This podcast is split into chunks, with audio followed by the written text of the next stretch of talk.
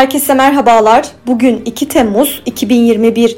Hazırsanız Türkiye ve dünya tarihinde bugün de neler yaşandı? Gelin hep birlikte göz atalım.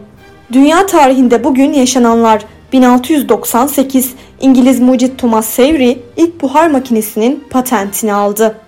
1777 Vermont, Amerika Birleşik Devletleri'nin köleliği kaldıran ilk bölgesi oldu.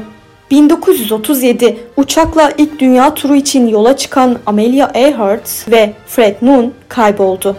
1966 Fransa Pasifik'teki ilk nükleer bomba denemesini Morura adasında gerçekleştirdi. Denemenin kod adı Aldebaran'dı.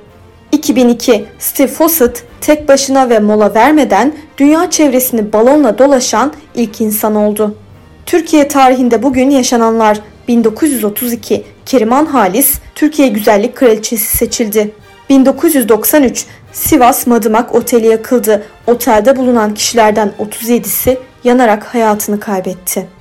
Bugün doğanlar 1922 İtalyan asıllı Fransız modacı Pierre Cardin dünyaya geldi.